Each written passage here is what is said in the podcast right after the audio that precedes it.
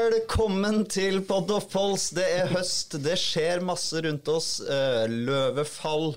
Uh, det er ikke det eneste som fall. Uh, det er fall. jeg kan ikke spinne mer rundt dette her. Velkommen en, til No Spin Zone. Jeg har en veldig positiv innstilling til denne sendinga, selv om andre ting ser litt mørkere ut akkurat nå. Både ute, i verden rundt oss, i været vi omgir oss med, og Eh, i norsk politikk også, Odd?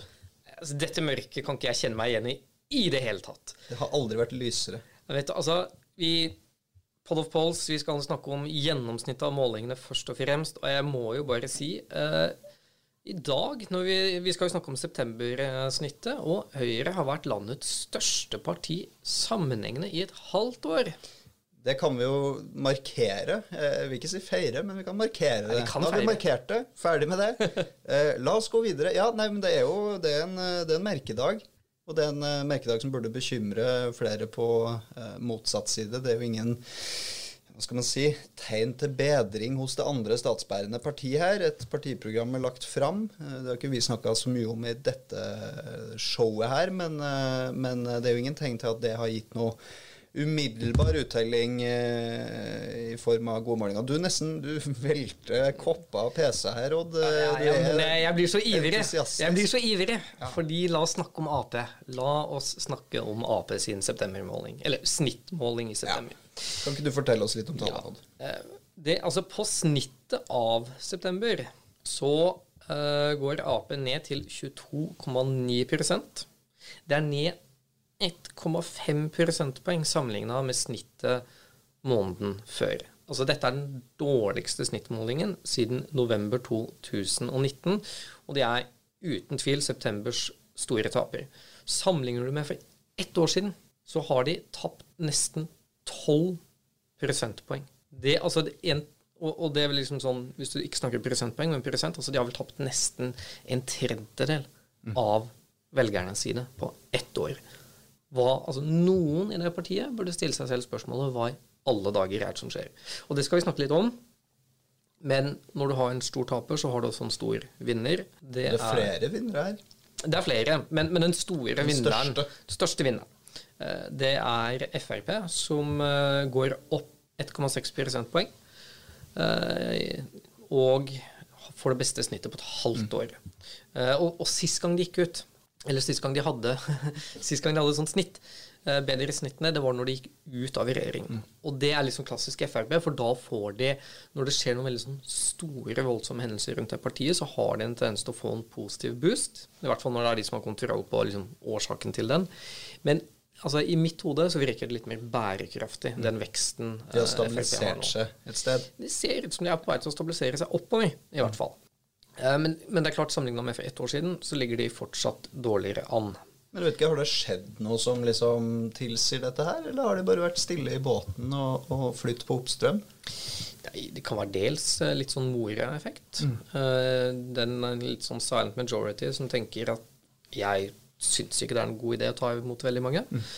Og det kan jo generelt også være det at nå begynner de å få regjeringsdeltakelsen litt mer på avstand. De begynner jo, folk begynner å si, kjenne igjen opposisjons-Frp litt mer.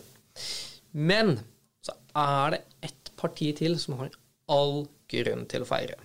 Fordi på snittet av septembermålingene så får SV 7,8 prosentpoeng. Og så kan man si det høres jo ikke så mye ut, det høres ut som omtrent der de har ligget ganske lenge. Det høres ganske bra ut, det, Odd. Ja, jo, eh, men men de har jo hatt ganske mange snittmålinger etter hvert på sånn 7,6-7,7. Men skal du få noe som er like høyt som 7,8, så må du tilbake til desember i ett året. Desember Ja, nei, hvor, hvor, hvor, eh, Når kunne dette vært, da? Før regjeringsdeltakelse? desember 2008. Ja. Beste snittmålingen på tolv år, omtrent. Altså, de har all grunn til å være fornøyd, særlig når du sammenligner med situasjonen for bare eh, Ja, hvis du sammenligner med 4.9.2016, mm. fire år siden, eh, så hadde de 4,1% på snitt. Ja. Og vi husker kanskje flere av oss en bedende oss litt spak Audun Lysbakken hjemme i stua før valget natta 2013, mm. som ba innstendig folk om å redde SV. Mm. Det er et ganske styrka parti fra, fra den, den, kvelden. Og nå må jeg faktisk ta en sånn stor eh, mea culpa, for jeg sa tidligere at uh, Ja, det er sånn eh, hvis man, spalte i vår podkast. Uh, Odd gjør opp for gamle synder, uh, og her skal du be om synders forlatelse. Men den er ganske fersk. For jeg sa at Ap har tapt en tredjedel av velgerne siden september i fjor. Det er ikke sant. Jeg mente å si september 2016. Men likevel, altså utgangspunktet før valget er mye dårligere. Og, Syltynt, vil man si. Og husk det, ikke sant ett år før valget i uh, eh, 2017 så hadde de 34,6% og de endte jo på 27, noe. Så historien så, så, så, historien er ikke veldig lovende her. Mm. Uh, men siden vi er på denne selvpiskingen, eller Din pisking av meg, altså Ja, men jeg, jeg, skal gjøre litt selvpisking, og, eller, og i anledning partiet det er snakk om, uh, så heter det kanskje flagellering. Eh, fordi det er KrF. Eh, jeg kom i skade for et par måneder siden er det vel, å si at nå er det tegn til en opptur, sa jeg. Nei. De ligger stabilt på 3,7, eh, ned 0,1. Stabilt under sperregrensen. Der har det vært siden oktober 2018. Ingen entusiasme og ingen tegn til at velgerbasen blir noe yngre.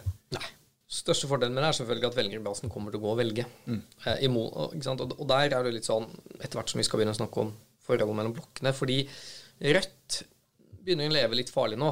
Eh, på snittet er de på 4,1. Eh, ned ikke mer 0,2, men 4,1. Altså, da er marginen syltynn. Og når du veit at de har de yngste velgerne, som er de som er minst sannsynlig å gå og stemme Vanskeligst å mobilisere. Ja, da begynner du å leve litt farlig. Mm. Du gjør det.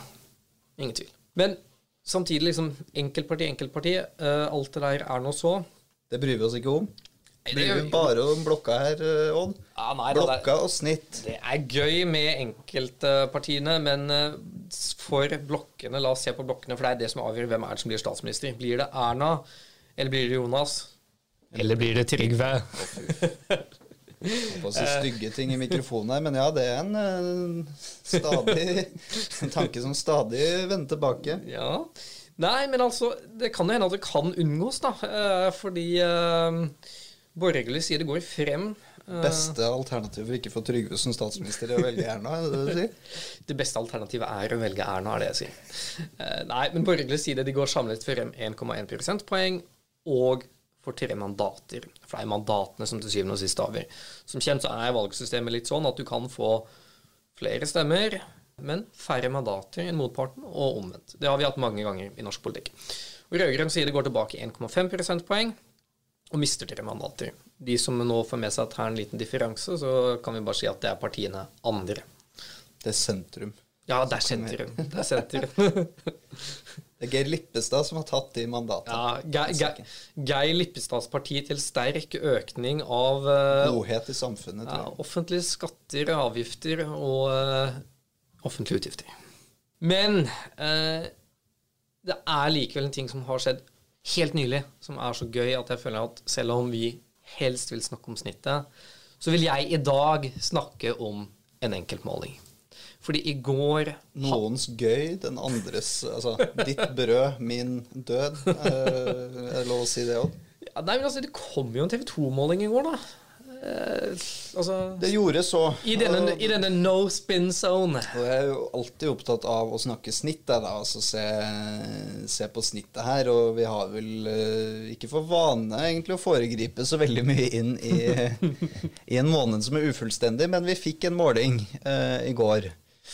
Og den var Ja, det var store utslag der. Har du tallene foran deg, Odd? Ja.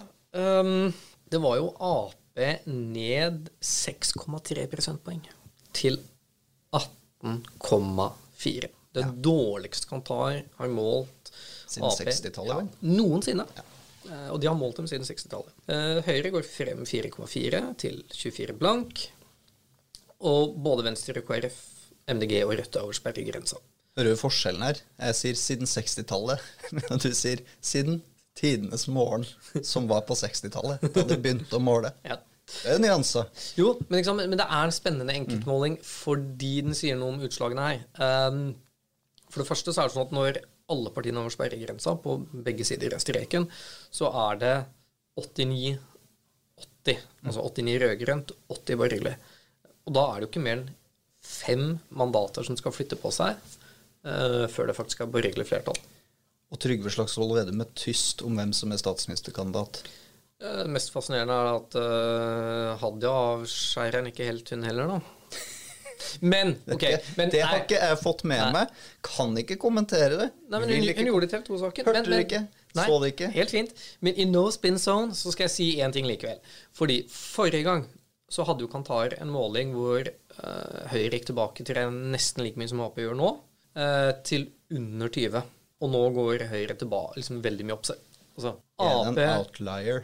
Det er en outlier, og Ap kommer nesten helt sikkert til å komme tilbake over 20 neste gang. Det er en mager trøst. Men hørte du det stikket, Stian? De kommer over 20. Det skal sies, eh, se mange har harselert med at dette er akkurat halvparten av 36,9, omtrent. Ja, det er ikke langt unna, i hvert fall. Eh, for de som husker det tallet, begynner å bli en mm. gammel referanse. Jeg måtte jo da sette meg ned og grave litt i Det fins da dårligere målinger enn dette her, mm. Eh, og det gjør det jo. Ja. fra en, hva skal man si, en ja, om, om, ikke like turbulent tid, så i hvert fall en veldig krevende tid for Arbeiderpartiet. Vi hadde jo en måling i var det vel mars 2002 Arbeiderpartiet rangerte som eh, landets uh, fjerde største parti med en eh, måling på 14,6, 14, tror jeg det var. Da var SV forbi, Høyre var forbi, og Frp var mm. landets største parti. Men det er jo fortsatt landets nest største parti med 18 mm. Og det er også interessant.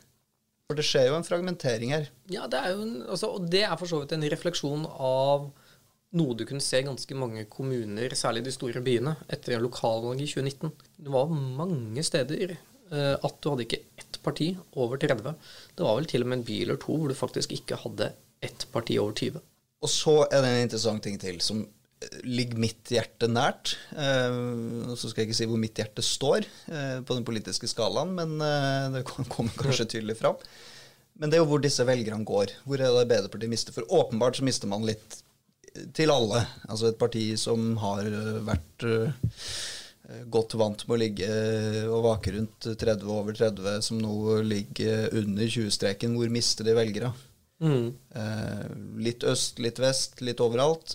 Men så vidt jeg har fått med meg, så går en stor andel av de velgerne som Arbeiderpartiet taper, de går jo åpenbart en del til gjerdet, men veldig mange går til sentrum hvis vi skal plassere hvis vi skal plassere Senterpartiet i sentrum av norsk politikk. Mm.